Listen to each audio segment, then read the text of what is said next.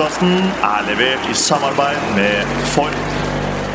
Nå lar jeg beina snakke for seg, og jeg prøver å gjøre jobben ute på banen. Og så får jeg holde kjeft utafor. Jeg vet at den er svak for skudd oppe i krysset, så da bestemte jeg meg for å gjøre det. Og det visste jeg veldig godt. Målet er jo egentlig klapp og opp inn i 16-meter. Det er ikke sånn at det er noen store målsjanser, men det er opp og bap, selvfølgelig. Så eh, Det er ikke stilkarakter i fotball. Det er bare én ting som eh, gjelder, og det er å vinne kamper.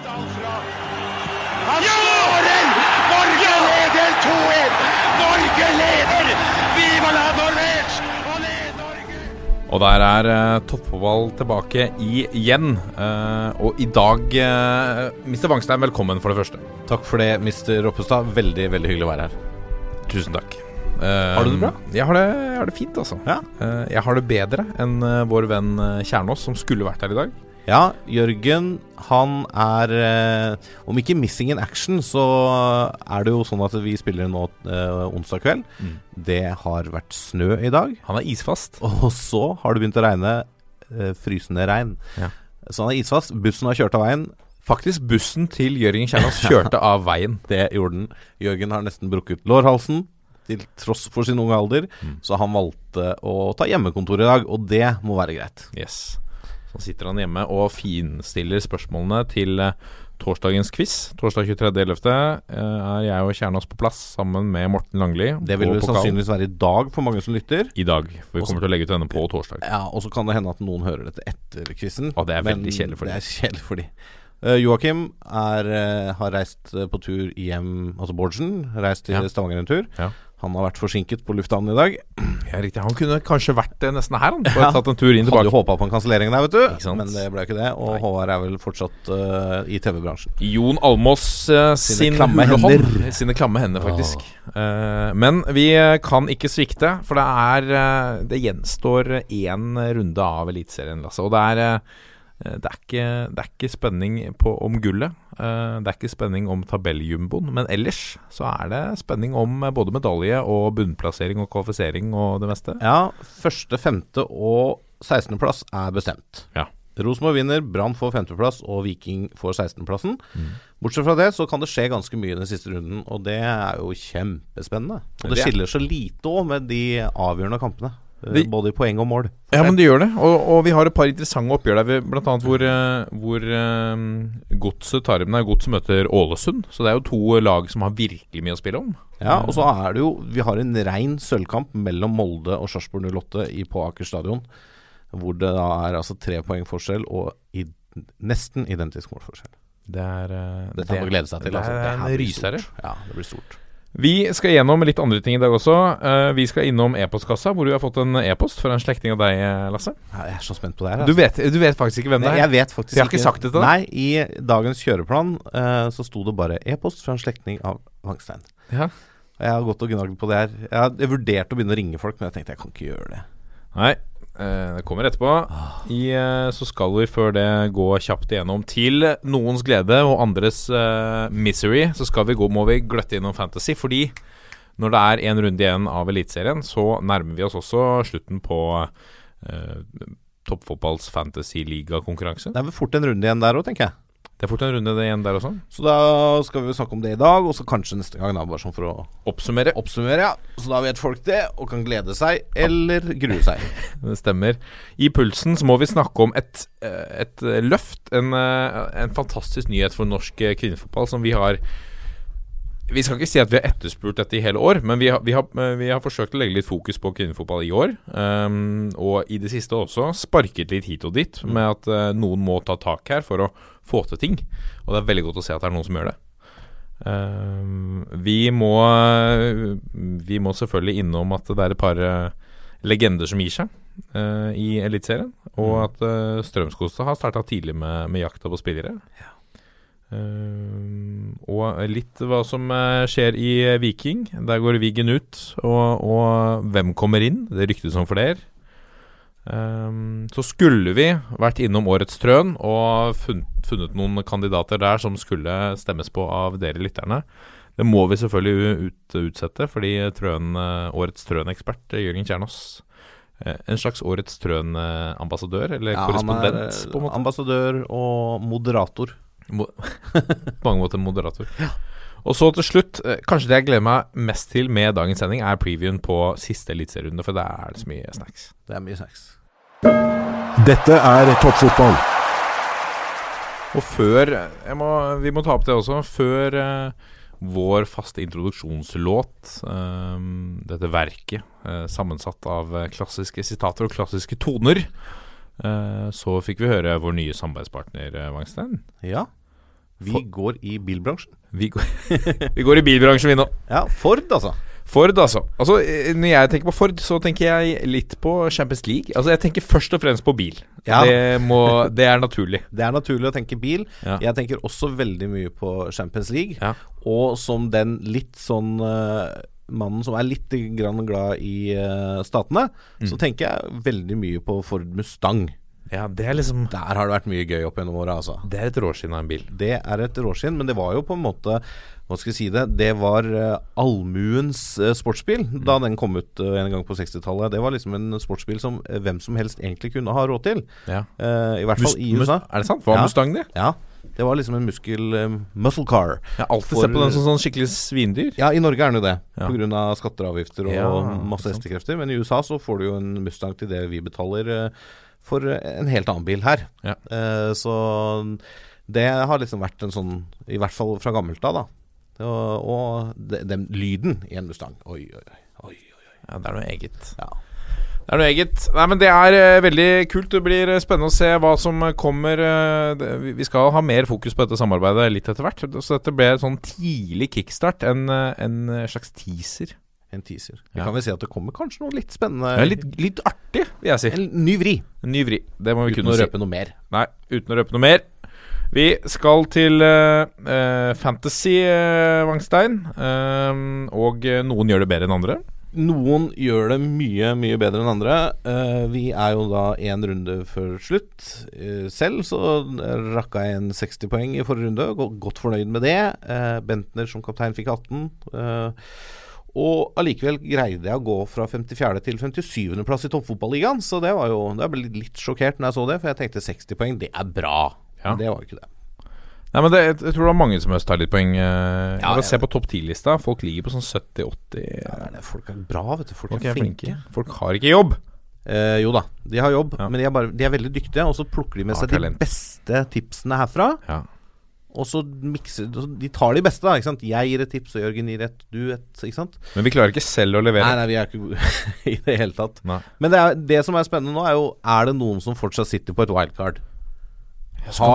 laget. har gnudd øh, på det fram til nå. Mm. Da, og kan cashe inn og bytte ut hele laget nå. Det er jo kjempespennende hvis du har det. Jeg har jo ikke det.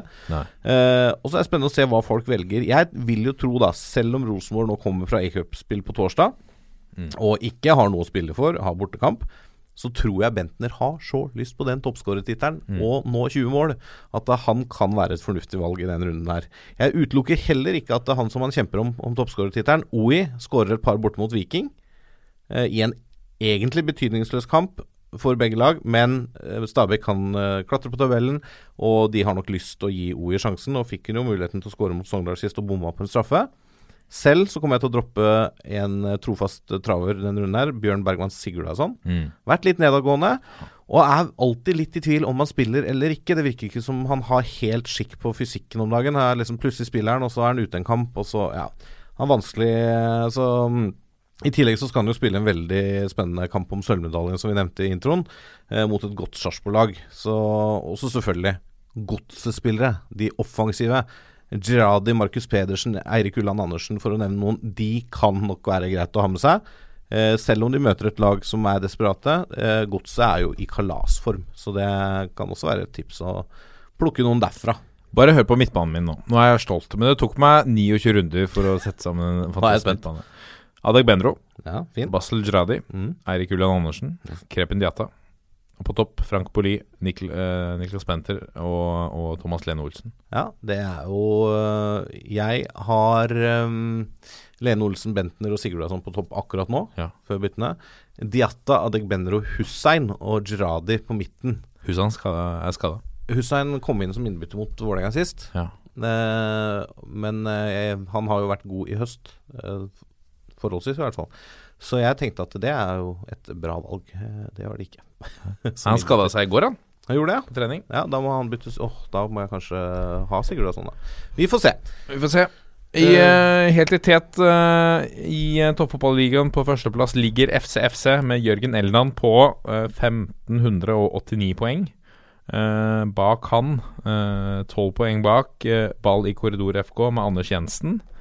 Eh, vi må vel tro at uh, kampen der står mellom de to om å stikke av gårde med denne overtrekksjakka fra VM 98. Tror det.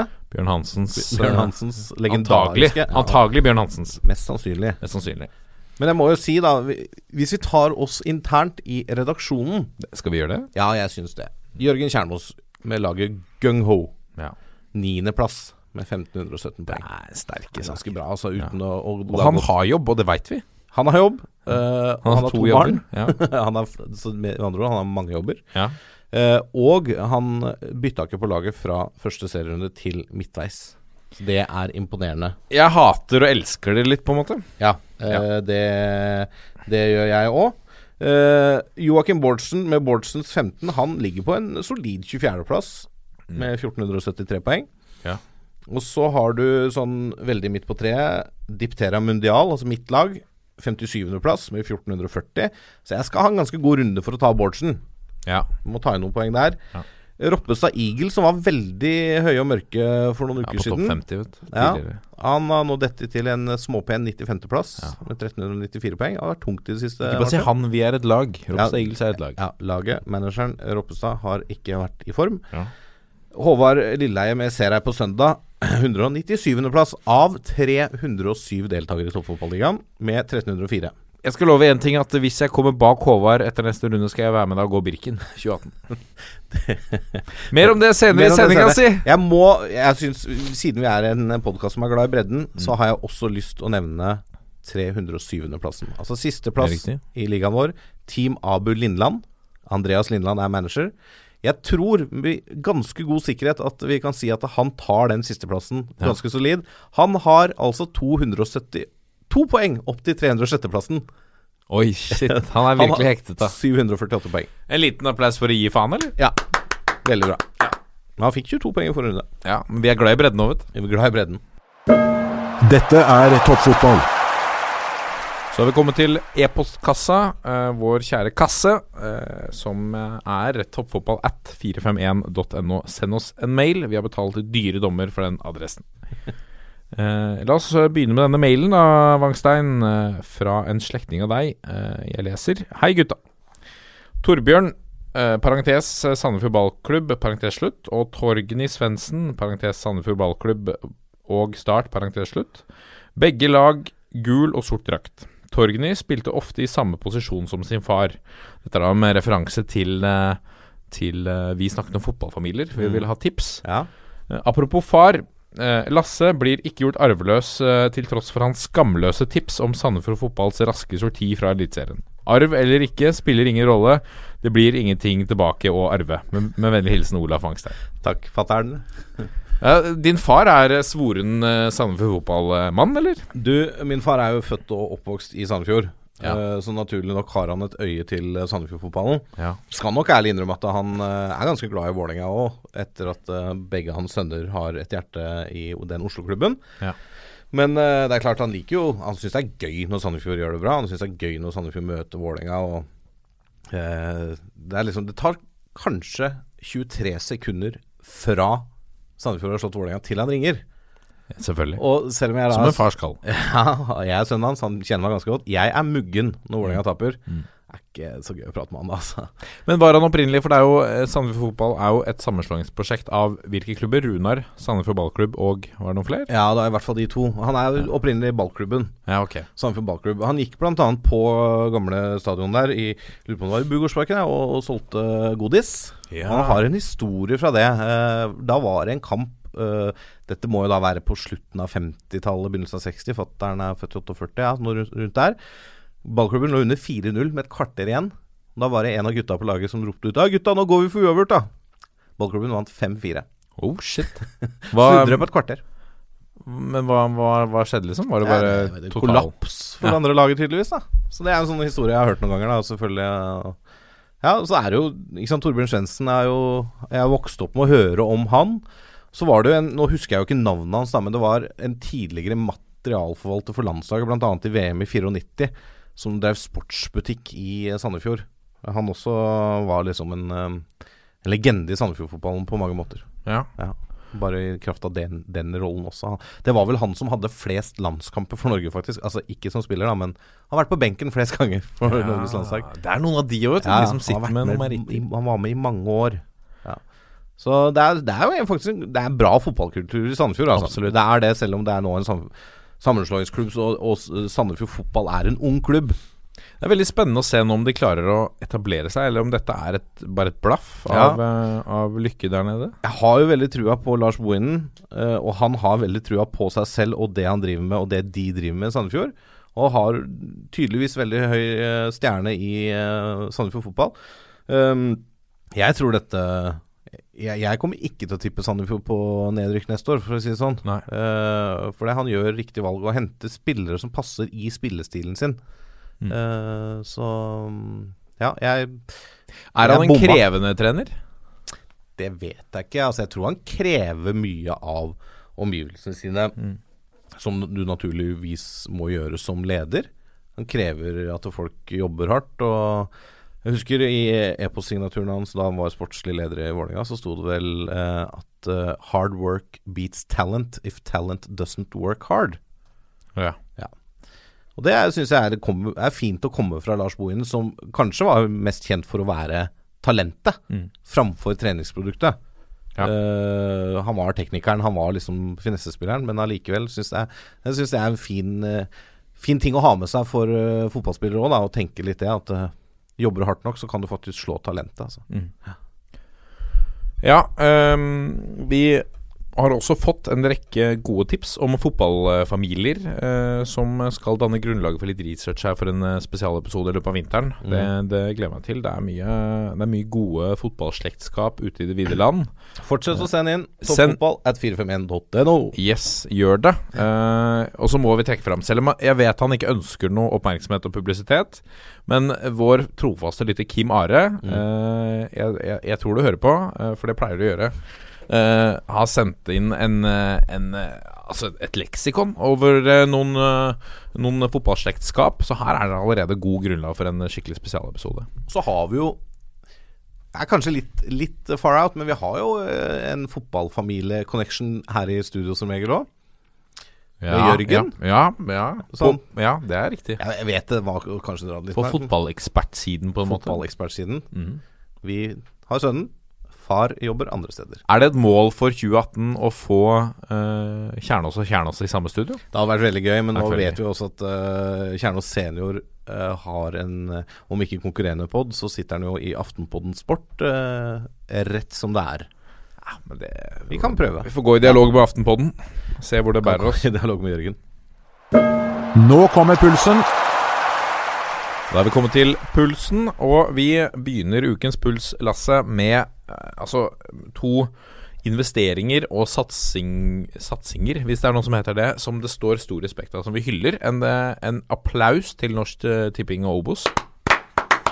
Vi ble til, til og med tagga i Obos sin lansering av dette samarbeidet, i all den tid de trodde at at toppfotball på Twitter var norsk toppfotball sin Twitter-konto. Du tror det var derfor?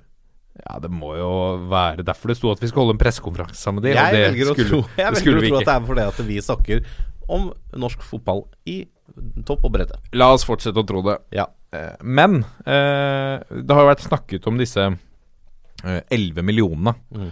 Eh, og det har vært et veldig sånn konkret beløp som skal til for å bedre. De har regnet seg fram til at det vil bedre vilkårene, og det vil gjøre klubbene eh, Gjøre det lettere for klubbene kanskje å kjøpe fri spillere, slik at de kan trene noen dager på dagtid, f.eks. Som vi på herresiden gjør allerede fra Post Nord ofte. Ja, det, er, det handler jo i stor grad om den profesjonaliseringa i fotballen. Eh, og kanskje Altså, norsk kvinnefotball har jo lenge vært langt foran. Mm. Vi var tidlig gode, vi vant VM, EM, OL. Eh, hadde noen veldig gylne generasjoner der. Eh, og så begynte det å satses hardt eh, på kontinentet og i USA på kvinnefotball. eh, profesjonelle klubber med gode lønninger, eh, spiller på store stadioner, blir en integrert del av disse store klubbene eh, osv. Og så har kanskje norsk fotball havna litt i bakleksa pga. det. Vi har jo proffer. Vi har jo bl.a. en av verdens beste spillere osv. Men norsk seriefotball har kanskje havna litt bakpå, og igjen da, da grunnlaget da for å utvikle de store enerne har kanskje ikke vært like godt. Og så disse jentene da, som, og kvinnene som spiller, de, som du sier, de jobber kanskje da 70-80-100% til vanlig mandag-fredag, og så skal de trene på ettermiddagen. Fem-seks ganger i uka og spille kamp. Da får du ikke like mye tid til å restituere, til å, til å, til å liksom hente deg inn etter trening og faktisk få utbytte av den treninga. Kan, kan også hende at du kommer på trening litt sliten og ikke liksom får gjort treninga så godt som du vil. Og da havner du litt i bakleksa.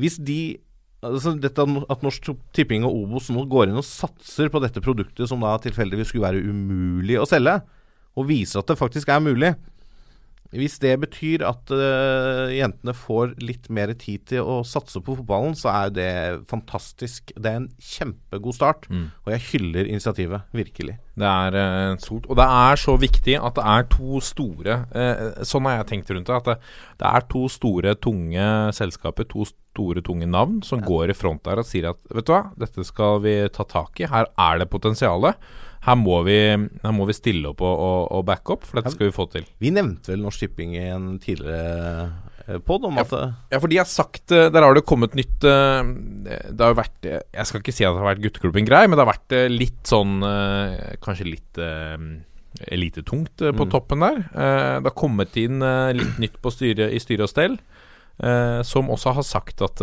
fotballen Norsk Tipping skal gå fra losje til uh, grasrot, mener jeg er liksom et, eh, et, eh, slags slagord der på, på folkemunne. Men, men uh, de vil bruke mer penger nå på å fremme kvinnefotballen og å fremme breddefotballen. Derav så er vel tredjevisjon heter nå Norsk Tippingligaen, ja, gjør det ikke stemmer, det? Stemmer. Uh, og nå så trakk de seg jo fra Eliteserien, uh, og bruker nå midler inn mot Toppserien. Ja, og, og, og så er som du sier, det er to solide eh, samarbeidspartnere. Både Obos og Norsk Tipping. Mm. Er, klinger jo godt for fotballelskere. Det er fotball eh, det, er, det er fotballsponsorer ja. eller samarbeidspartnere. Så dette er, eh, ja, dette er jeg veldig positiv til. Og det er, som jeg sier, jeg hyller initiativet. Det er eh, veldig Meget bra. Ja. Jeg har en spådom om at 2018 uh, At det blir et, et år litt i, det blir det første av forhåpentligvis mange år uh, som en slags startskudd for en ny vår for norsk kvinnefotball. Ja, jeg håper det. Jeg håper du har rett. Jeg føler det sprer seg en sånn grasrotrørelse her om at nå, nok er nok. Nå uh, bretter vi opp ermene, og så får vi til dette. Ja, jeg er enig. Uh, så tror jeg ikke vi skal tro at i 2018 så da faller alle brikkene på plass. Det, men, dette er en start. Ja. Dette er en, et steg i riktig retning. Mm.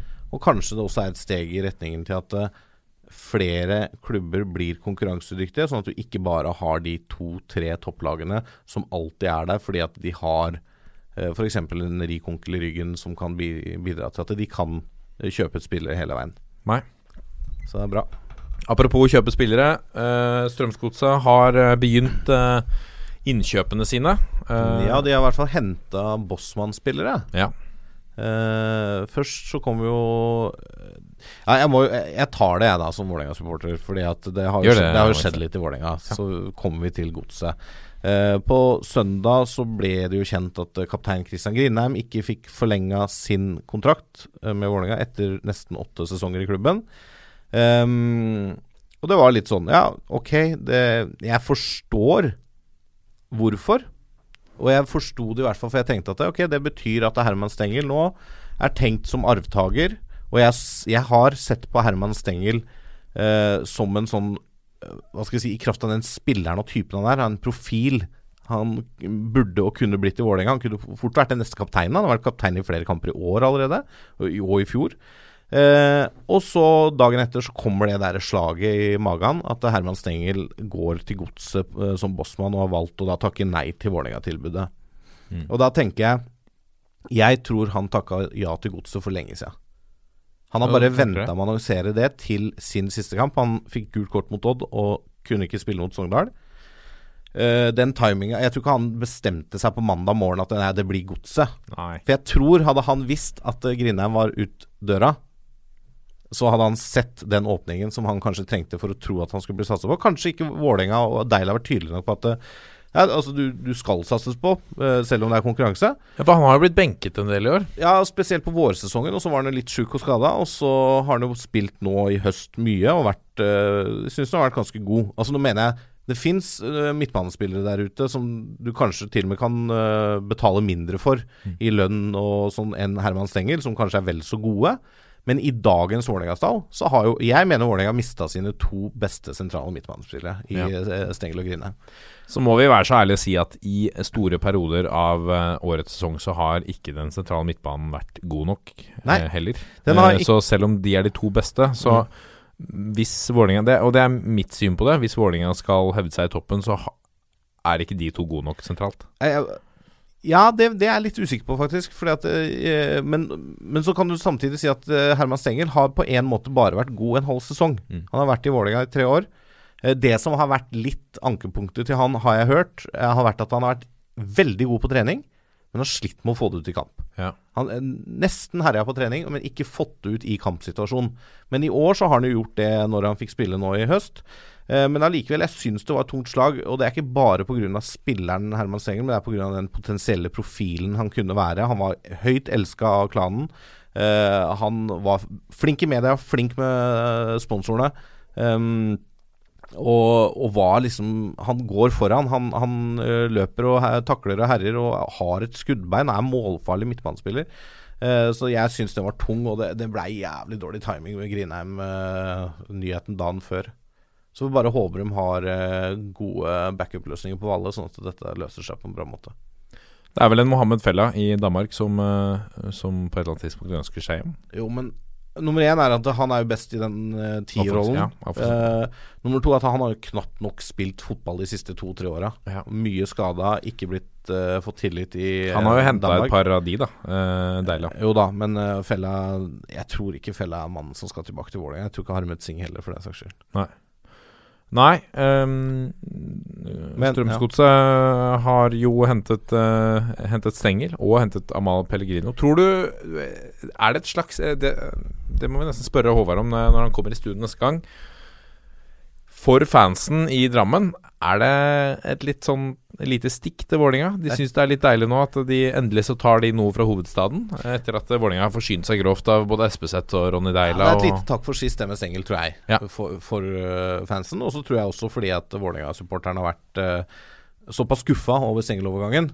Uh, det gjør jo Altså, det er jo alltid sånn når du henter en spiller fra en annen klubb, og de rakner, de, de, de han går fra, så tenker du ja, det her er bra. Det her er gøy. Eh, nydelig at de reagerer sånn, for da tror du at du har fått noe veldig, veldig bra. Eh, jeg tror Stengel fort kan slå seg inn på det laget ganske greit. Jeg mener jo at Henning Hauger eh, nærmer seg slutten. Ja, han, jeg tenker kanskje han har tenkt som en erstatter for Henning Hauger, eller? Ja, jeg er han ikke 35 år eller noe sånt? 32 er han bare. 32, ja, men, ok. eh, men Beklager, Henning. eh, Hauger har vært god i høst, altså. Det skal, det skal han ha. Var ikke noe god i vår. Eh, Pellegrino er jeg litt mer usikker på, for han konkurrerer vel fort med Eirik Ulland Andersen på venstrekanten. Mm. Eller uh, hvem som nå uh, Ulland Andersen har vel en litt sånn fri venstrekantrolle. Uh, litt spent på om Pellegrino fort kan bli en sånn Pontus Engblom-signering, da, hvis jeg kan kalle det. At det kommer fra Obos, gjort det veldig godt der. Kommer til godset og kanskje ikke går rett inn på laget. og blir i hermetegn litt glemt. Det blir spennende å se. Men det er klart, Eirik Ulland Andersen, uh, Basel Giradi eh, og de gutta der nå, de er det sikkert masse, in ja, altså det er masse interesse rundt de spillerne. eh, Francisco Junior osv. Altså det, det, det er klart det at Godset kommer til å miste noen spillere i løpet av vinteren, tror jeg. Og da, så jeg, tror bare Godset nå henter for å være forberedt på at de mister noen. Håvard mener jo at de Altså Nå går de mot underskudd på nærmere 20 millioner. At de har eh, Han blir ikke overrasket nå om de pusher på for et eh, Gerardi-salg i januar. Nei, det skjønner jeg veldig godt hvis de gjør det. Så det kan hende dette er tenkt i sammenheng med det. Ja, for jeg, jeg mener du kan dytte Ulland Andersen inn i den uh, midt, uh, offensive midtbanerollen bak Markus Pedersen. Og så dytte inn en ny venstrekant, som Pellegrino da, f.eks. Og da, da det, det kan jo være løsningen, selvfølgelig. Så Godset ser nå styrka ut på papiret. Det blir spennende å se hva som går ut. Veldig. Ja, så, Men jeg, jeg tror de gjør dette litt sånn for å være i forkant. Så har de noen juniorer også på vei eh, fram. Det hørte vi fra Jostein Flo i en tidligere episode, at det, det jobbes godt der. I eh, junioravdelingen til Strømsgodset. Eh, vi skal videre til eh, Viking. Eh, der er eh, Etter at Ian Burchnall fikk, eh, fikk fyken, så tar også Bård Wiggen sin hatt og går. Eh, tar eh, et eh, fly ned til eh, sin gamle venn Ståle Solbakken i København, hvor eh, Solbakken eh, i forrige uke sparket eh, Brian Priske etter noen Nei, i, i september, ja. Mm. Etter noen uenigheter. Og nå er Bård Wiggen eh, tilbake igjen som Ståle Solbakkens assistent. Ja, og det har jo tidvis funka godt før, spesielt i København. Ja. Uh, og Wiggen har visst lengta tilbake til uh, treningsfeltet. Han har jo på mange måter blitt litt latterliggjort, Wiggen, de siste åra i norsk fotball. Både for jobben han gjorde i Rosenborg sammen med Per Jord Hansen, og ikke minst for den sportsdirektørjobben han har gjort nå i Viking. Eh, jeg tror Viking-supporteren er kjempeglad for å bli kvitt den, rett og slett. Eh, Så blir det spennende å se hva han får til sammen med Ståle i København. For København sliter nå. De er 14 poeng opp til serieleder Brøndby. Og tapte 3-0 mot Søderjyske sist. Det er ikke FCK verdig, vet du, å spille det sånn. Nei, og da ulmer det litt. Det er liten tålmodighet i den byen. Jo, det er det nok, men jeg tror de har veldig stor tålmodighet med Ståle Solbakken. Ja, jeg tror ikke han får sparken. Nei, nei. Eh, det tror jeg ikke. Men jeg tror det er riktig av Wiggen å gå fra Viking nå. For det var så mye misnøye med det som er gjort der. Mm. Og han må ta det ansvaret, han òg, som Ian Burchell måtte. Mm. Eh, så det tror jeg er eh, en vinn-vinn, rett og slett. Ja, det er jo en vinn også for Wiggen. Han står jo med en jobb nå. Ja, Det gjør ikke Burchnall foreløpig. Nei, men han får jobbet. Han er bra. Men en mann som nevnes i, eh, i denne sammenhengen, er eh, Erik Hamren. Det det. var litt sånn opp av hatten eh, i Viking. Er et Obos-lag. Erik Hamren er tidligere Rosenborg-trener og svensk landslagstrener. Ja, og skal sannsynligvis ha ganske høy lønn. Ja, og det Jeg så nå Og Viking sliter jo økonomisk. Jeg syns dette er rart, altså. Ja, men Styrelederen der, Stig Kristiansen, har sagt, sa til NRK at det ikke skal stå på midler for å finne riktig trener. Med oppfølgingsspørsmålet altså til og med to millioner i året. Ja, det var han helt åpen for. Og dette Jo, men er Erik Hamren skal ha mer enn to millioner i året. Det er jeg helt overbevist om. Ja. Hvem er det som ligger på to millioner i året, sånn i Eliteserien, tror du? Erlandsen. Ja. Toro Ja. Skullerud. Ja. Uh, Erik Bakke. Ja. Så har jo Solskjær, Ingebrigtsen, Deila Ligger nok Ja, jeg tipper Fagermo ligger på rundt to. Ja. Men Solskjær, eh, Ingebrigtsen og Deila ligger nok på litt over det. Mm. Eh, Og Hamren passer jo mer inn i det selskapet. ja, det er det jeg mener. Han er fort på sånn tre-fire, kanskje til og med fem. Vil jeg tro, da, uten at jeg vet, selvfølgelig. Men Ja, så må jo pengene veie opp for den manglende prestisjen det er å lede et lag i Obos. Med all respekt å melde for de lagene som er der. fortsatt. Jo da, men hvis han, hvis han gjør Viking til det Brann til slutt ble i Obos, Mm. og får de rett opp i eh, topp fire igjen Ja. på, på første forsøk, Ja. da, da, altså, da kan du ikke ta ham på noe, da. Nei, nei. Så det er jo det. Hvis han er villig til å med- gamble med det, og Ja. se at det her er det muligheter i den byen her Oppgaven er spennende. Oppgaven er spennende. Hvis jeg får de midlene jeg trenger for å hente de spillerne jeg må ha for å få til dette prosjektet, kombinert med lokale krefter eh, ja, Hvorfor ikke? Det er en kjempeutfordring å, å, løfte, å hente Viking opp igjen. Mm. For det, sånn det ser ut akkurat nå, så rykker ikke Viking opp neste år. De kommer til å slite i Obos, sånn det ser ut akkurat nå. Nå er det daglig leder Erik, Henrik, nei, Erik Henningsen og, og Brede Hangeland som, eh, som leder den jakten på ny trener. Ja. Eh, Jeg så at Erik Hamren takket nei til Ørgryte, som ligger på super, eh, super ettan-nivå i, i Sverige. Så, men han kjenner jo norsk ball godt. Eh, han kjenner jo godt til Viking og vet hva slags status de har i Stavanger og i Rogaland. Så kanskje han ser potensialet. Ja. Eh, neste punkt på denne kjøreplanen, eh, Wangstein. Da, jeg kjører inn et lite som mellompunkt før vi gjør det. Ja, la oss gjøre Eh, det. Å Du ønsker å utsette neste punkt? Ønsker å utsette neste punkt litt. Grann. Hashtag Birken. Hashtag, Hashtag- Birken 2018. Hashtag ut av form. Um, tidligere landslagsspiller Erik Huseklepp, Ja. som i høst har vært utlånt til Åsane, han har terminert kontrakten sin med Haugesund. Så det ble et halvt år i Haugesund. Eh, annet av familiære årsaker, og blir nå Åsane-spiller permanent. Så det blir Obos på Huseklepp neste år eh, også, som det har vært i høst. Og det tror jeg er en eh, fin match. Det er gode nyheter for eh, Åsane. Ja, jeg syns det. Vi må også ta med at det er flere legender nå som, som teller på knappene uh, i de klubbene de har vært. Vi Ja. har nevnt Christian Grindheim. Ja, men, han, men jeg tror Christian kommer til å kanskje bli Haugesund-spiller. Det er jo ikke usannsynlig. Han har jo sagt selv at han skal flytte hjem en dag, og han vil at barna skal vokse opp i Haugesund. Eh, Både han og kona er vel derfra. Uh, altså Christian Grinheim kommer til å spille et par-tre år til på toppnivå i Norge, det er jeg helt overbevist om. Men en uh, legende, må vi vel kunne kalle klubblegenden Morten Morrisbakk Skjønsberg, Ja. har jo meldt at han legger opp et år i sesong, og hadde siste hjemmekamp nå mot Sogndal sist. Uh, selvfølgelig 35 år og sliter litt med kroppen, men allikevel, han har spilt hvert minutt av årets eliteserie. Vært lite skada. Lite skada, men han, har, han får vel ikke trent så mye som han vil, da. Eh, sliter litt med vondt her og der og sånn, og syns vel tida var rett nå til å gi fra seg kapteinspinnet. Og, men han er, han er en klubblegende. Han er seriemester eh, for Stabæk. Og, Legende som menneske også. ja, han er jo det. En fantastisk type. Og en fantastisk ambassadør for Stabæk. Eh, Lun og fin og glimt i øyet og alltid, alltid liksom en eh, litt spøk på lur og uh, sånn, så han eh, Ja. Det, det, er, det er nok et tungt slag for Stabæk at han legger opp, men eh, han fortjener eh, rett og slett en applaus for det han har gjort for eh, klubben i sitt hjerte, altså. Og vi må gi en applaus også til eh, Tor Arne Andreassen, som Ja. også uh, gir seg i Haugesund uh, etter 250 kamper og, og 29 mål. Mm. Uh, kanskje litt for mye forlangt at han avslutter med en scoring. Ja, det kan jo skje. Kan skje. Han er den spilleren som har flest kamper i FK Haugesunds historie. Ja.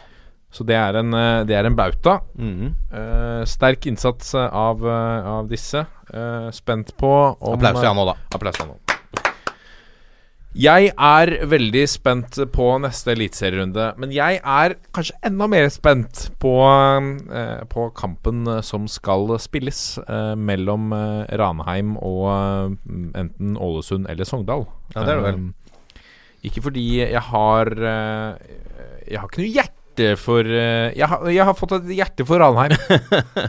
Forsa Ranheim. Ja, jeg også er veldig, veldig spent på denne eliteseriekvaliken som kommer nå etter siste serierunde. Ja. Det må jeg ærlig innrømme. Det lot høre seg på Twitter da eh, Ranheim slo Mjøndalen. Ja. Eh, noen hevdet det var et eh, første spiker eh, innslått i eh, Vangsteins nye smørebod. Ja, Eller jeg så fem, 50% av er innslått. ja, og det skjønner jeg godt. Jeg trodde jo at Mjøndalen eh, var såpass gode og proffe nei, at de skulle ta Ranheim på hjemmebane. Virkelig. Eh, så jeg var litt overraska over det. Og når det har kommet så langt som nå, og de møter Altså Når de møter Ranheim Nei, Mjøndalen, så møter de et lag på litt samme nivå, som er vant til å vinne kamper og liksom har det i blodet.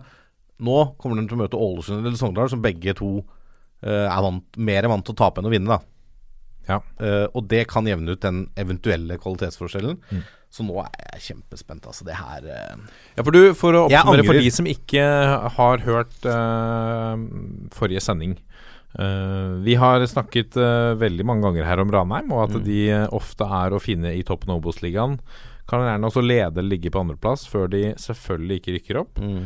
Eh, og blant de mest kritiske eh, har du vært, Lasse. Ja, jeg har jo vært eh, en del av de som mener at det her har vært litt for tilfeldig til å være Du mener Du begynner å dra fram Ja, konspirasjonsteori? konspirasjonsteorier kan du godt kalle det, men jeg, altså, jeg tror at Ranheim på en måte har funnet sin plass, da. At de, de er en Obos-klubb eh, som skal utvikle spillere på det nivået, som, men skal være en, en god Obos-klubb, for all del. For de er jo i kvalik nesten hvert år.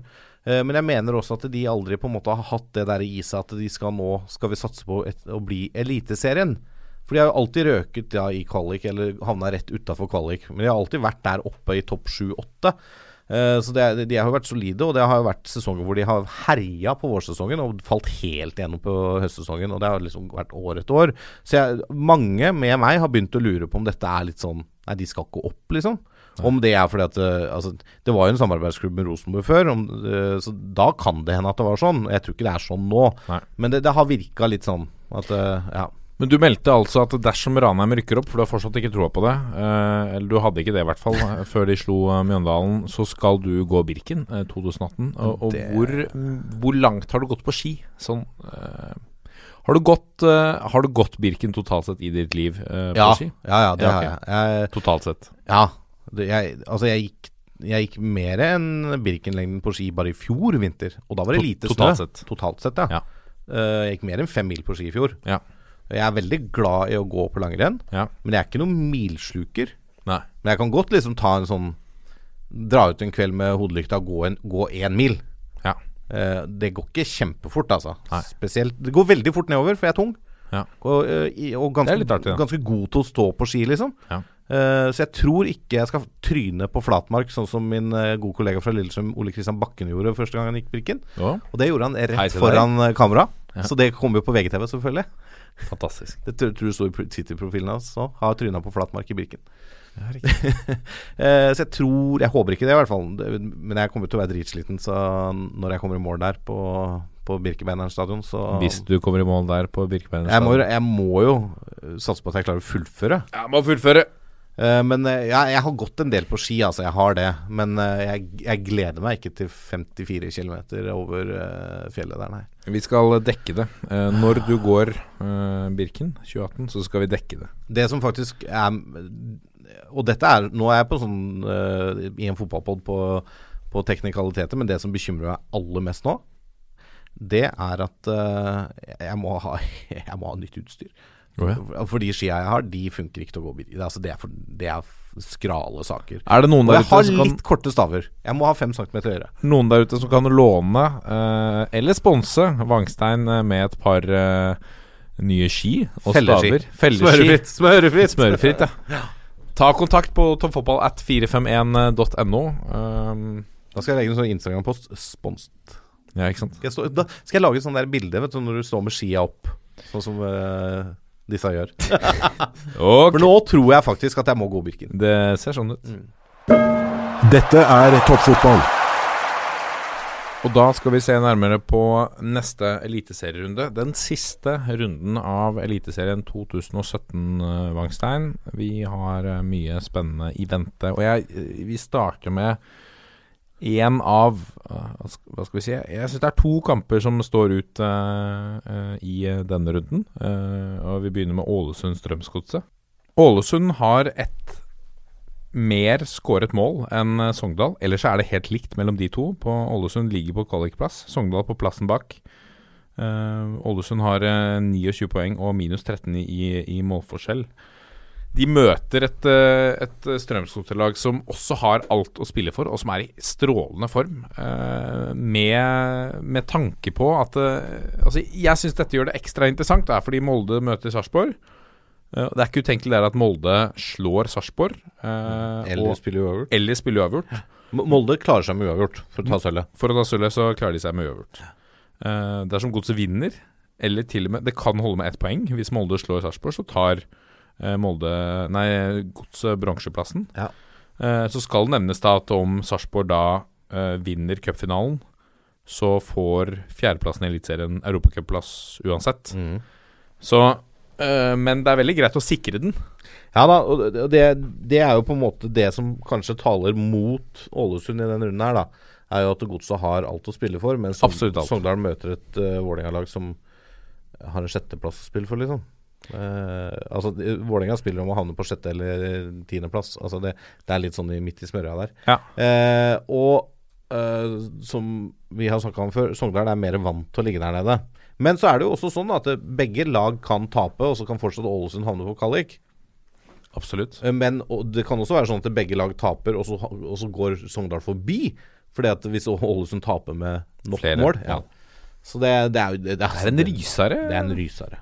Men det, det som er verdt å ta med her, da, at eh, i, eh, i eh, forrige kamp mot, mot Sarpsborg 08, så, så forsvarte de seg godt i, i første omgang. Men de eh, fikk uh, Ramstein eh, utvist i, i begynnelsen av andre gang, og da falt de litt sammen. Så det var en, det var en virkelig mørk eh, kamp sett med oransje øyne.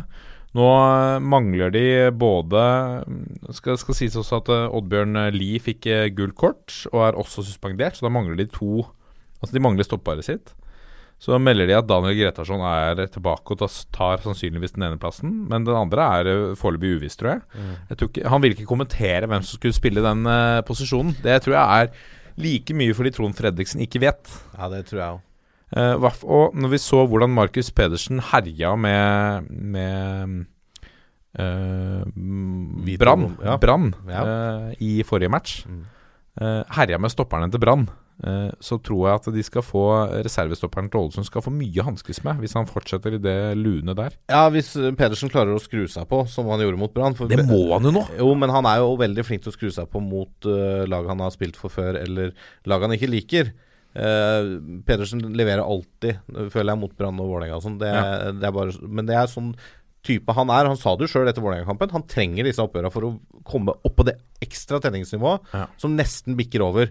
Ehm, men det er klart, Brann-stoppeparet er jo av mange omtalt som det beste stoppeparet i Eliteserien. Og han Og- og- herjer ja, med han dem. herja med dem. Eh, Ålesund det, det som var litt gøy, med, gøy, eller rart med den kampen mellom Sarpsborg og Ålesund, var jo at uh, med fem minutter igjen, så, var- så slutta de å spille. Ja. Ålesund syntes det var helt greit å tape med bare ett mål, pga. Ja. det med målforskjellen. Så Sarpsborg drev og trilla ball, for de syntes det var greit med tre poeng. Er det Trond Fredriksens eh, taktikkeri, eller er det et uh, nervøst Ålesund? øh, Nei, jeg tror dette var taktikkeri av begge trenere. Jeg tror Ja. det nesten ble sånn Vet du hva, ok, vi har ikke noen sjanse til å få 1-1 her.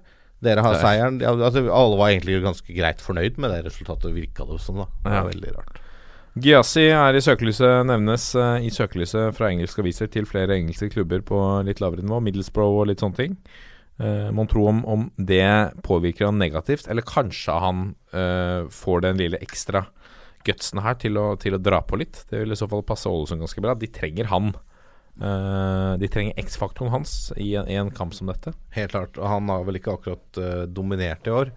Og har stått over en del kamper òg pga. utenomsportslig. Når han har levert, så har det vært Du ser at han har et han høyere har, nivå inne. da. enn de fleste andre på laget sitt. Så, Ja. Men han, han må Han må på banen, rett og slett. Ja. øh, og, og være på, han òg.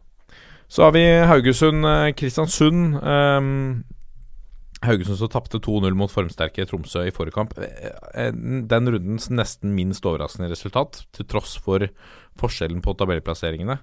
Eh, Haugesund har vært eh, i veldig dårlig form. Nå har det fire tap på rad. Eh, fem tap på de seks siste.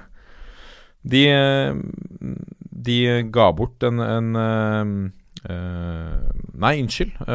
Kristiansund ga bort en, en 2-0-ledelse mot Sandefjord sist. Men maktet likevel å komme tilbake der ved Sverre Øklands skåring etter 72 minutter. Og, og tok den viktige hjemmeseieren over Sandefjord som gjorde at de også sikret eh, plassen. Mm. Det, de levnet ingen tvil om at plassen er sikra. Jeg tror det hadde holdt seg uansett. Ja, det, det tror jeg òg. Men det også er jo et sånt lag som mange hadde tippa til å ryke rett ned igjen. Ja. Eh, så all ære til eh, det gjengen i Kristiansund har fått til òg, altså. Ja, og Christian Mikkelsen nå som er nominert til årets trener, jeg tror, det, jeg tror han ønsker å avslutte med en, en seier her. Fordi at hvis vi ser på de andre kampene, hvis alt går eh, Hvis alt går eh, Kristiansunds vei, eh, så kan de faktisk havne på en sjetteplass. Mm. Og det er ganske utrolig sett ut fra ressurser og eh, hva som ble meldt eh, om tabelltips osv. før sesongen. Um, og her tror jeg at her er det fullt mulig. Um, vi kan jo se på et allerede svakt uh, Haugesund-lag, uh, som nå mangler Fredrik Pallesen Knutsen, som er uh, suspendert. Per Inge Bråtveit er fortsatt ute med brukket finger. Jakob Serafin er suspendert. Aleksandr Kovacic er ute med strekk. Eh, Marko Kosic er fortsatt selvfølgelig ute med en korsbåndskade. Det er et skadeskutt. eh, De mangler en del viktige spillere der, eh, Haugesund. De gjør det. Det som kan tale til Haugesunds fordel, er jo selvfølgelig at de spiller på gress. Absolutt. Og Kristiansund er et kunstgresslag som trives best der. Men Kristiansund har vunnet borte mot Brann på gress, så det er ikke umulig. Ikke umulig. Eh, hva med uh, Sogndal-Vålerenga-Vangstein? Og Ja. dette er en typisk kamp som du Det er sånn du liker å snakke om fordi Eller du hater egentlig å snakke om dette, du. Ja, jeg gjør det. For det, det, altså dette er jo den andre kampen som blir direkte avgjørende for nedrykk her. Mm. Du har jo da Sogndal, et lag som kjemper desperat for å unngå nedrykk. Som da, som jeg sa i stad, møter et lag som kjemper i hermetegn for å beholde sjetteplassen, men like gjerne kan havne på niende. Sogndal står med seks kamper uten seier, da. De er ikke i kjempeform. Eh, men det er tre uavgjort eh, i den perioden, og to av de uavgjort har kommet på hjemmebane. eh, og fikk jo da en ganske sterk 1-1 borte mot Stabæk sist, selv om de knapt hadde ballen. Jeg tror ballinnehavet var noe sånn 81-19, eller det er jo sånn helt ville tall. eh, på det. Uh, Vålerenga står med fire seire og to tap på sine siste seks, og vant som kjent 2-0 mot Odd eh, sist, på Intility. Men før det hadde de to tap på rad. Jeg er spent på å se hvor ivrige Vålerenga er til å ta denne kampen på fullt alvor og avslutte sesongen med to seire på rad. Eh, historien tatt i betraktning, så bør det være nok motivasjon for Vålerenga til å gjøre det. Eh, ganske tøft for Sogndal, for å si det sånn. Eh, jeg kan jo nevne først kvalifiseringen i 2000, da Sogndal sendte Vålerenga ned fra toppnivå. Den bør nevnes i garderoben. Så syns jeg vel også at markedsmannen Freddy Dos Santos bør minne spillergruppa om 2004-sesongen. Det som skjedde da, var at Sogndal kom på besøk til Ullevål for å møte et gulljagende Vålerenga i tredje siste serierunde. Med noe annet enn Sogndal-seier, så ville nedrykket være et faktum. Da var det spikra Sogndal kom til å rykke ned. Vålerenga skapte en million sjanser, og Kenneth Høie, eh, som da sto for Sogndal, han spilte seg til en tier på enkelte børser. Han var en vegg. Kampen endte 0-0. Sogndal rykka ned, men jubla som besatt ute på Ullevål-matta. Det så ut som de hadde vunnet VM, EM og Champions League på én gang. Helt, altså, det var helt surrealistisk. Men det har jeg aldri skjønt det der. Hvorfor uh, har de svart på noen gang? Hvorfor de jubla som besatt? Nei, jeg har ikke, jeg har ikke hørt noe om det. det var helt, og og nedrykket ble sikra. Altså, nå er det er ikke noe sjanse lenger. De klarer ikke å Men holde trodde plassen. de kanskje at de holdt Nei, nei, de visste det. Premissene var dere må vinne. De murte igjen med elleve mann. Eh, Altså, det var jo spesielt, men jeg tror det sier litt om Sogndals innstilling til hovedstadsklubben. Uh, og det tror jeg Eirik Bakke er flink til å, å få fram i garderoben, og det må Deila få spillerne sine til å matche hvis Vålerenga skal uh, få noe med seg fra den kampen her. Uh, Vålerenga vant 3-0 på Ullevål i april. Da skåra nevnte Grindheim, Jonathan Tollås Nation, kanskje den naturlige kapteinsarvtakeren til Grindheim, og Bård Finne uh, for Vålerenga. Historisk så har vi 15 Vålerenga-seire, 8 uavgjort og 8 Sogndal-seire. Uh, på Fosshaugane så er det litt mer jevnt. 6-2-7, altså 6 Sogndal-seire, 7 Vålerenga. Målforskjell på 14-22, da. Der er det også en cupkamp inne i bildet hvor Vålerenga vant 7-0 eller noe sånt. Um, men Sogndal har vunnet sine to siste hjemmekamper mot Vålerenga, både i fjor og i 2014. De er også Sogndal nest dårligste eh, hjemmelag i Eliteserien. 5-4-5 eh, og 22-19 i målforskjell på eget kunstgress. Vålerenga er det ellevte beste bortelaget med 3-2-9. Tapt ni bortekamper. Eh, 20-29 i målforskjell. Eh, Sogndal har ingen karantener, og Vålerenga mangler Herman Stengel. Jeg tror rett og slett Sogndal tar seieren her, altså fordi at de har så mye, mye mer å spille for. Har ryggen mot veggen og møter et Vålerenga-lag som på en måte kan være litt ferdig med sesongen. Eh, jeg håper Med Vålerenga-hjertet mitt så håper jeg selvfølgelig jeg tar feil, men eh, det er det Så det du sier er at eh, du tror Sogndal holder plassen? Ja, ikke nødvendigvis. Altså hvis eh, Ålesund Ålesund har jo slått Rosenborg på hjemmebane ganske nylig. De kan slå Godset òg. Mm. Så da går det jo på målforskjell eventuelt. Altså Begge disse lagene, Sogndal og Ålesund, kan finne på å vinne på søndag. Eh, men, Da tror jeg mer på Sogndal. men jeg tror Sogndal holder Eller jeg tror Sogndal spiller kvalik, ja. Ja. Det, det er helt riktig. Apropos Rosenborg, de møter Odd på bortebane. Her står det jo med ingenting annet enn plassering for, eh, for Odd. Um, eh, de fortsetter jo med å ikke skåre mål. De står med tre mål og fire poeng på de siste fem eh, kampene. Nå tapte de 2-0 på Intility Arena i eh, forrige runde. Og da, da var de svake. Ja, men det er jo eh, Dette er eh, Altså fortsett Hvis ikke det gjøres noe der, så tror jeg de um, har stort potensial for å rykke ned neste år. Ja, det, det er er, litt men, eh, Lasse, det er seks, uh, la meg minne deg om Det er 26 skåringer på, på 30 kamper. Ja da, det, Altså Normalt sett, i en normal serie, så skal ikke det holde. Nei, de skulle jo rykka ned i år med skåringssnittet sitt. Ja. Uh, men jeg tror likevel at uh, plutselig så åpner den ketsjupflaska seg neste år. Ja, de skårer mer, ja. Ja, ja. Ja, ja. Altså, det, dette Jeg, tror jeg jeg håper at 26 mål på én sesong, eh, da skal du rykke ned. Det håper, sånn, sånn sesong håper jeg det blir neste år. Ja, det håper jeg òg. Det er jeg helt enig. Men jeg tror ikke at så, nei, Odd skårer Nei. 6-7-28 mål neste år. Eh, jeg tror de kommer til å skåre mer. Ja. Eh, for det er noe som har knytt seg der, ikke sant. Plutselig Å, nei, vi skårer aldri. Og da det, det Så får de møte Kjølling eller et eller annet i treningskamp, og så putte litt eh, Ja, ikke sant. Du må gjøre et eller annet sånt, ikke sant.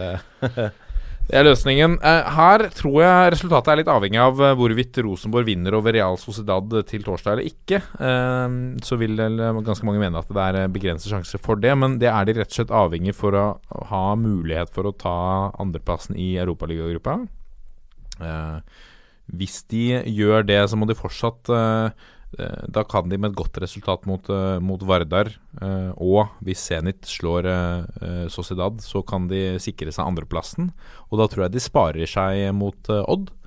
Eh, så skal du uansett ikke se bort fra at dersom de sparer Bentner og setter ham på benken, dersom OI putter et par goller, at ikke han kommer innpå og prøver å få seg et eh, mål, så de sikrer uh, toppskårertittelen. Ja, altså Bent, nei, det er, det er helt uenig. Jeg tror Bent, Helt uenig. Bentner er i såpass godt drag nå. At han bør spille. Han spiller. De har, de har jo ikke noen spissalternativer. Nei, De kan er bruke. Adegbendro, da. Men Williamson Wilhelmsson er skada. De eh, sendte Bakenga til Tromsø. Ja. De har ikke spiss, bortsett fra Bentner. ja, men trenger de en spiss mot Odd, da?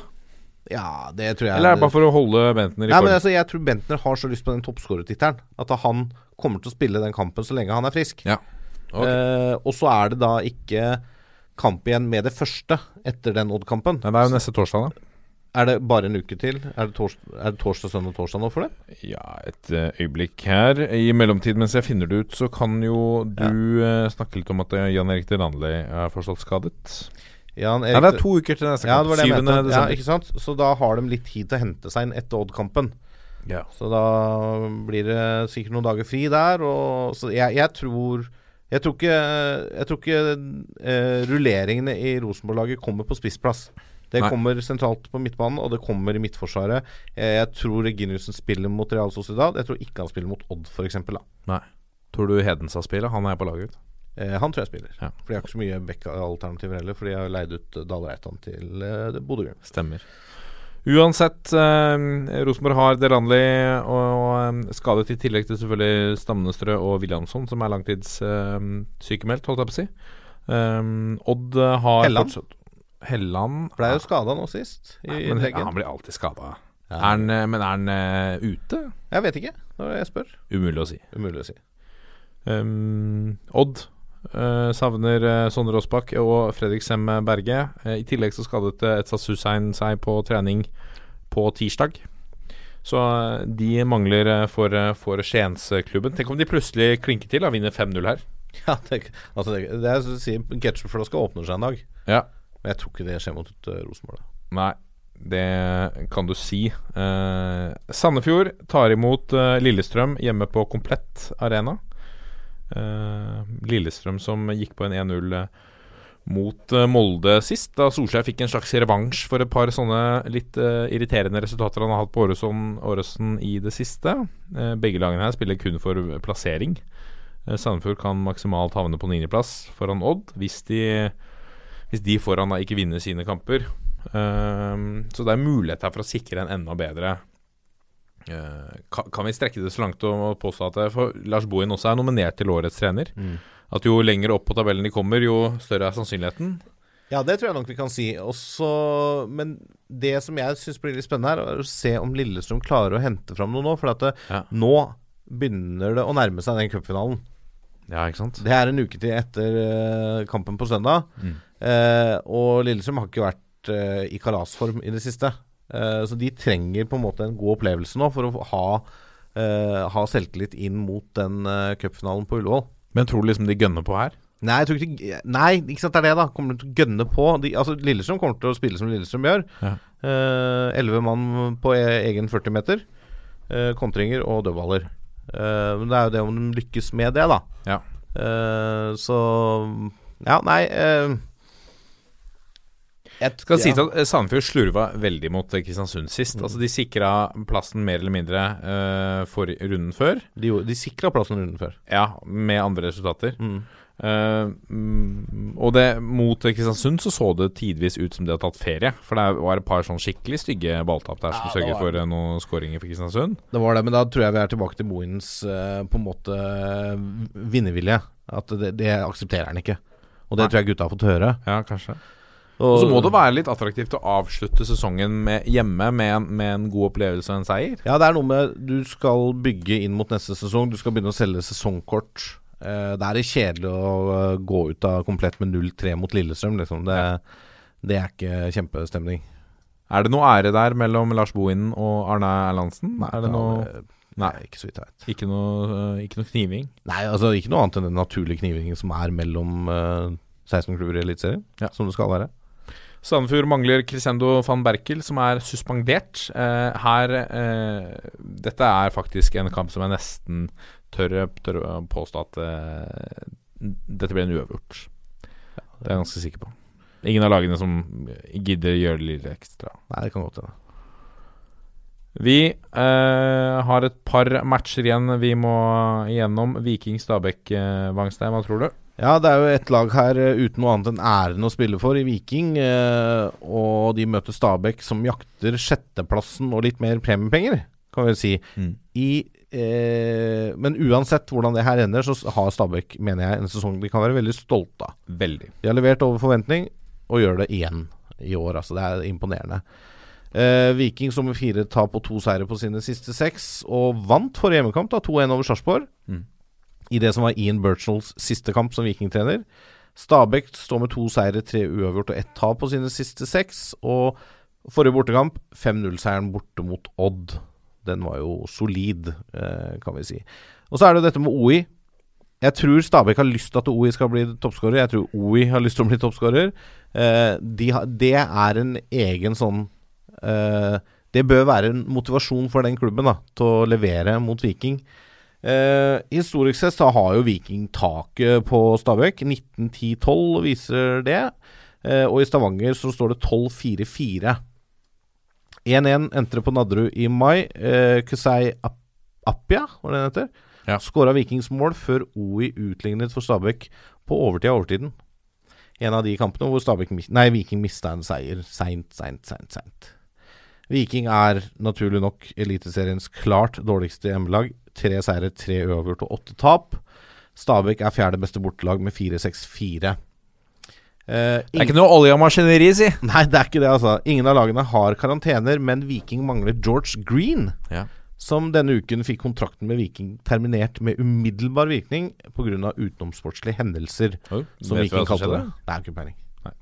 Men han har jo vært kjent for å være Vi er kanskje ikke en sånn bråkmåker. podkast som liksom videreformidler hva som skjedde her. Nei, jeg tror ikke vi skal øh, begynne å spekulere i det hele tatt. Det var utenomsportslig, er det Viking kaller det. Da Det er sikkert helt ryddig og greit. Ja. Mm.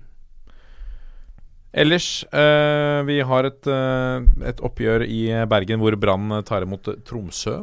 Ja, dette er jo to lag med forholdsvis lite å spille for. Ja. Eh, Du nevnte jo Brann som har spikret plasseringen sin ja, de, allerede. de får ikke noe annet enn femteplass. De, de kan verken øh, øh, avansere eller gå nedover. Tromsø har også sikra plassen i Eliteserien. Uh, overraskende nok, hvis man ser noen måneder tilbake i tid. Eh, men de har sikra plassen med egentlig ganske god margin, så det er, det er bra. Eh, de kan eh, klatre litt på tabellen, men også bli passert av et par lag, og har vel sånn sett mest å spille om. Eh, Brann er ikke i kjempeform. To seire og fire tap på sine seks siste kamper, og tapte som kjent 1-2 borte mot Godset sist. Tromsø står nå med fire seire på rad, fem på de siste seks, etter 2-0 mot Haugesund hjemme sist. Eh, Så de er jo i Altså, Tromsø er i slag.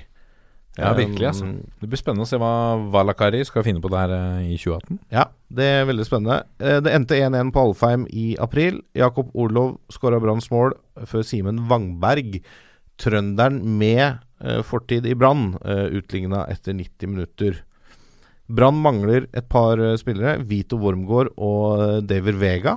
Vega som har vært god i det siste. Mm. eh, har karantene.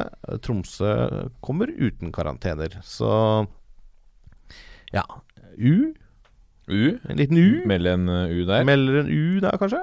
Ja, kan, eh, kan tenkes det. Og så må vi avslutte med en av, eh, etter min mening, rundens to store matcher. Molde som tar imot uh, Sarpsborg 08. Sølvkampen. Sølvkampen. Det skiller tre poeng mellom Molde og Sarpsborg i favør. Molde, som har hjemmelag, hjemmekamp, eh, de har nesten identisk målforskjell. Premissene er ganske enkle. Sarpsborg må vinne for å sikre sølvet. Molde klarer seg fint med uavgjort. Og Molde syns jeg har blitt veldig dyktig på å låse kamper, så dette tror jeg blir en tøff nøtt å knekke for Geir Bakke og hans kompanjonger. Men vi må legge til at Sarpsborg også må vinne her for å sikre seg Eller for å sikre seg en europacupplass. Mm, ja, ja, det må det jo for så vidt. Men ja, det er ikke sikkert det holder heller. Nei, det er ikke sikkert Mest det holder. sannsynlig så holder det med seier. Ja, men med seier så sikrer de jo Med seier så tar de jo sølvet. Ja, det er eh, Hvis ikke godset går hen og Slår eh, Ålesund 10-0. Ja, ikke sant? Da, ja, men sannsynligvis, da, så sikrer de med sølvet med Ja, seier. ja. Ehm, Molde står med fire seire, én uavgjort og kun ett tap på sine seks siste. Sarpsborg har to seire, tre uavgjort og ett tap i samme periode. De kommer fra hver sin 1-0-seier. Vi nevnte Molde borte mot Lillestrøm og Sarpsborg hjemme mot Ålesund. Um, ganske likt mellom lagene historisk, da. 5-1-5 og en målforskjell på 17-14 i favør Molde. Uh, I Molde er det litt mer ujevnt. 3-1-1 og målforskjell 11-4. Eh, den eh, endte med 1-0-seier i Sarpsborg etter scoring av Patrick Mortensen i april. Eh, og i fjor fikk Sarpsborg sin eneste borteseier i Molde. Eh, og de står med tre seire på rad i møte med Molde, og vi må tilbake til 4-1-kampen i Sarpsborg i 2015 for å finne sist eh, 08 tapte for Molde. Det er fire kamper vi snakker der, uten Molde-seier. Molde mangler ganske viktige Baba Kazar med gule kort. Sarpsborg har ikke karantene. Jeg tror dette blir en tett, jevn og ikke nødvendigvis finspilt kamp. Uh, Molde har perfeksjonert den derre 5-3-2-3-5-2-varianten med fem stopperlignende spillere på banen. Altså Ruben Gabrielsen spiller plutselig wingback. Det er Ja. helt uh, sjokkerende. De er defensivt trygge og har en voldsom kraft på dødballer, rett og slett. De er ekstremt gode på dødballer blitt. Eh, de klarer seg fint med uavgjort, og det tror jeg kommer til å eh, prege kampbildet. Så jeg tipper ettmålseier til Molde med en gardering på U. Så da har du kronet eh, Molde til uh, Sølvvinner sølvvinner. i Eliteserien 2017. Gratulerer. Oi, på forskudd, si. Ja, men altså Det er jo mitt tips, da. Ja, det er ditt tips. Um, dette blir en uhy uhyre spennende runde, og la oss ikke glemme at uh, norske sesongen er ikke over uh, uh, ennå. Uh, selv om vi runder av Eliteserien nå til helga. Vi har fortsatt et kvalifiseringsoppgjør til Eliteserien sånn som vi skal gjennom. Det er et dobbeltoppgjør. Det er dobbeltoppgjør, har vi- Birkenkampen, som det nå heter her i redaksjonen. Hashtag Birkenkampen. Forsa Ranheim. Vi har da, etter denne runden her, så har vi um, klart for oss 15 av 16 eliteserielag for 2018-sesongen. Er Vi mangler det siste. Og så har vi selvfølgelig Så gjenstår også cupfinalen. Eh, Cupfinalen, ikke Første søndag i advent. Rekordsent der, altså. 3. desember, 3. desember. som er altså om halvannen ukes tid, på et ikke foreløpig fullsatt Ullevål stadion. Å, er det ikke solgt nok? Nei. Eh, nå driver jeg jo litt sånn i det annonsering på en måte, men hvis du kjøper VG+, så får du med en cupfinalebillett på kjøpet. Så jeg, jeg, Er det såpass? Så jeg på nettet her. Er det såpass? Ja, såpass. Det er litt leit. Ja, det Men da blir det vel fullt, eller? Ja, vet ikke. Nei, kom igjen, da. Ja. Ta turen, da. Altså, det er Eh, jeg skal ikke oppfordre noen om å kjøpe noe, men eh, Og jeg mener, hvis ikke Hvis, hvis ikke Sarpsborg eller Lillestrøm Mm. klarer å fylle Ullevål til cupfinalen, ja. da må vi slutte med det derre bråket og maset om at det er så mye sponsorbilletter og VIP-billetter til cupfinale. Hvis ikke klubba klarer å selge ut billettene sine, Nei. da, er, da har de fått nok billetter, da. Ja. Da er det for dårlig stilt. Skjerpings, ta turen. Eh, se cupfinalen. Det er et eh, Altså Det er en fantastisk eh, stor tradisjon. Cupfinalen er stor historisk i, i, i Norge. Og her betyr det også europacupplass. 3. desember, altså jeg husker da jeg var liten, så ble cupfinalen spilt eh, helga som var nærmest min bursdag, 24. oktober. Ja, ikke sant? Ja, det er eh, Det er Nå er det liksom fem-seks uker seinere. Ja, Ja, hvis du hører denne podkasten på torsdag 23. eh, november, ta turen da vel til pokalen ved mathallen Vulkanområdet i Oslo. Der eh, står eh, undertegnede Roppestad og eh, Jørgen Kjernås klare med, med quiz. Og med oss har vi eh, fotballekspert Morten Langli, eh, som skal dele gode stories. Og, han, eh, og vi tar gjerne fotballprat over en pils etterpå. Det er eh, alltid trivelig. Eh, Så får vi satse på at bussene går neste uke, sånn at vi får med oss Kjernås. Vi får satse på at det ikke er så glatt. Det så at ikke er så glatt for deg, Jørgen. Det vet jeg høre på. vi gleder oss til å ha deg i studio igjen. Ja. Men jeg anbefaler alle en tur på pokalen hvis du er i byen og har mulighet. pokalen anerkjent av Lasse Wangstein der. Oh, ja, veldig. Ja. Fin plass. Fin plass. Send oss en eh, mail da vel på toppfotballat451.no. Og så er vi på Facebook og Twitter og Instagram og hele pakka der. Og legge noen ratings, så leser vi det på lufta. Det er lenge siden vi har fått inn noen ratings der. Begynner å bli, jeg. Kanskje folk er redd for at vi leser dem opp på lufta? Engstelige. Treng, bare legge inn ratings, vi leser ikke vi, altså. Gjør det. Vi dropper det. Ja. Men uh, legg inn rating, ja. Ok, da rydder vi av. Uh, skal vi avslutte som vi pleier, da? Vi må vel det. Jeg tror det. Én, to, tre. Vi er en gjeng! Vi er en gjeng! Ha det! Ha det!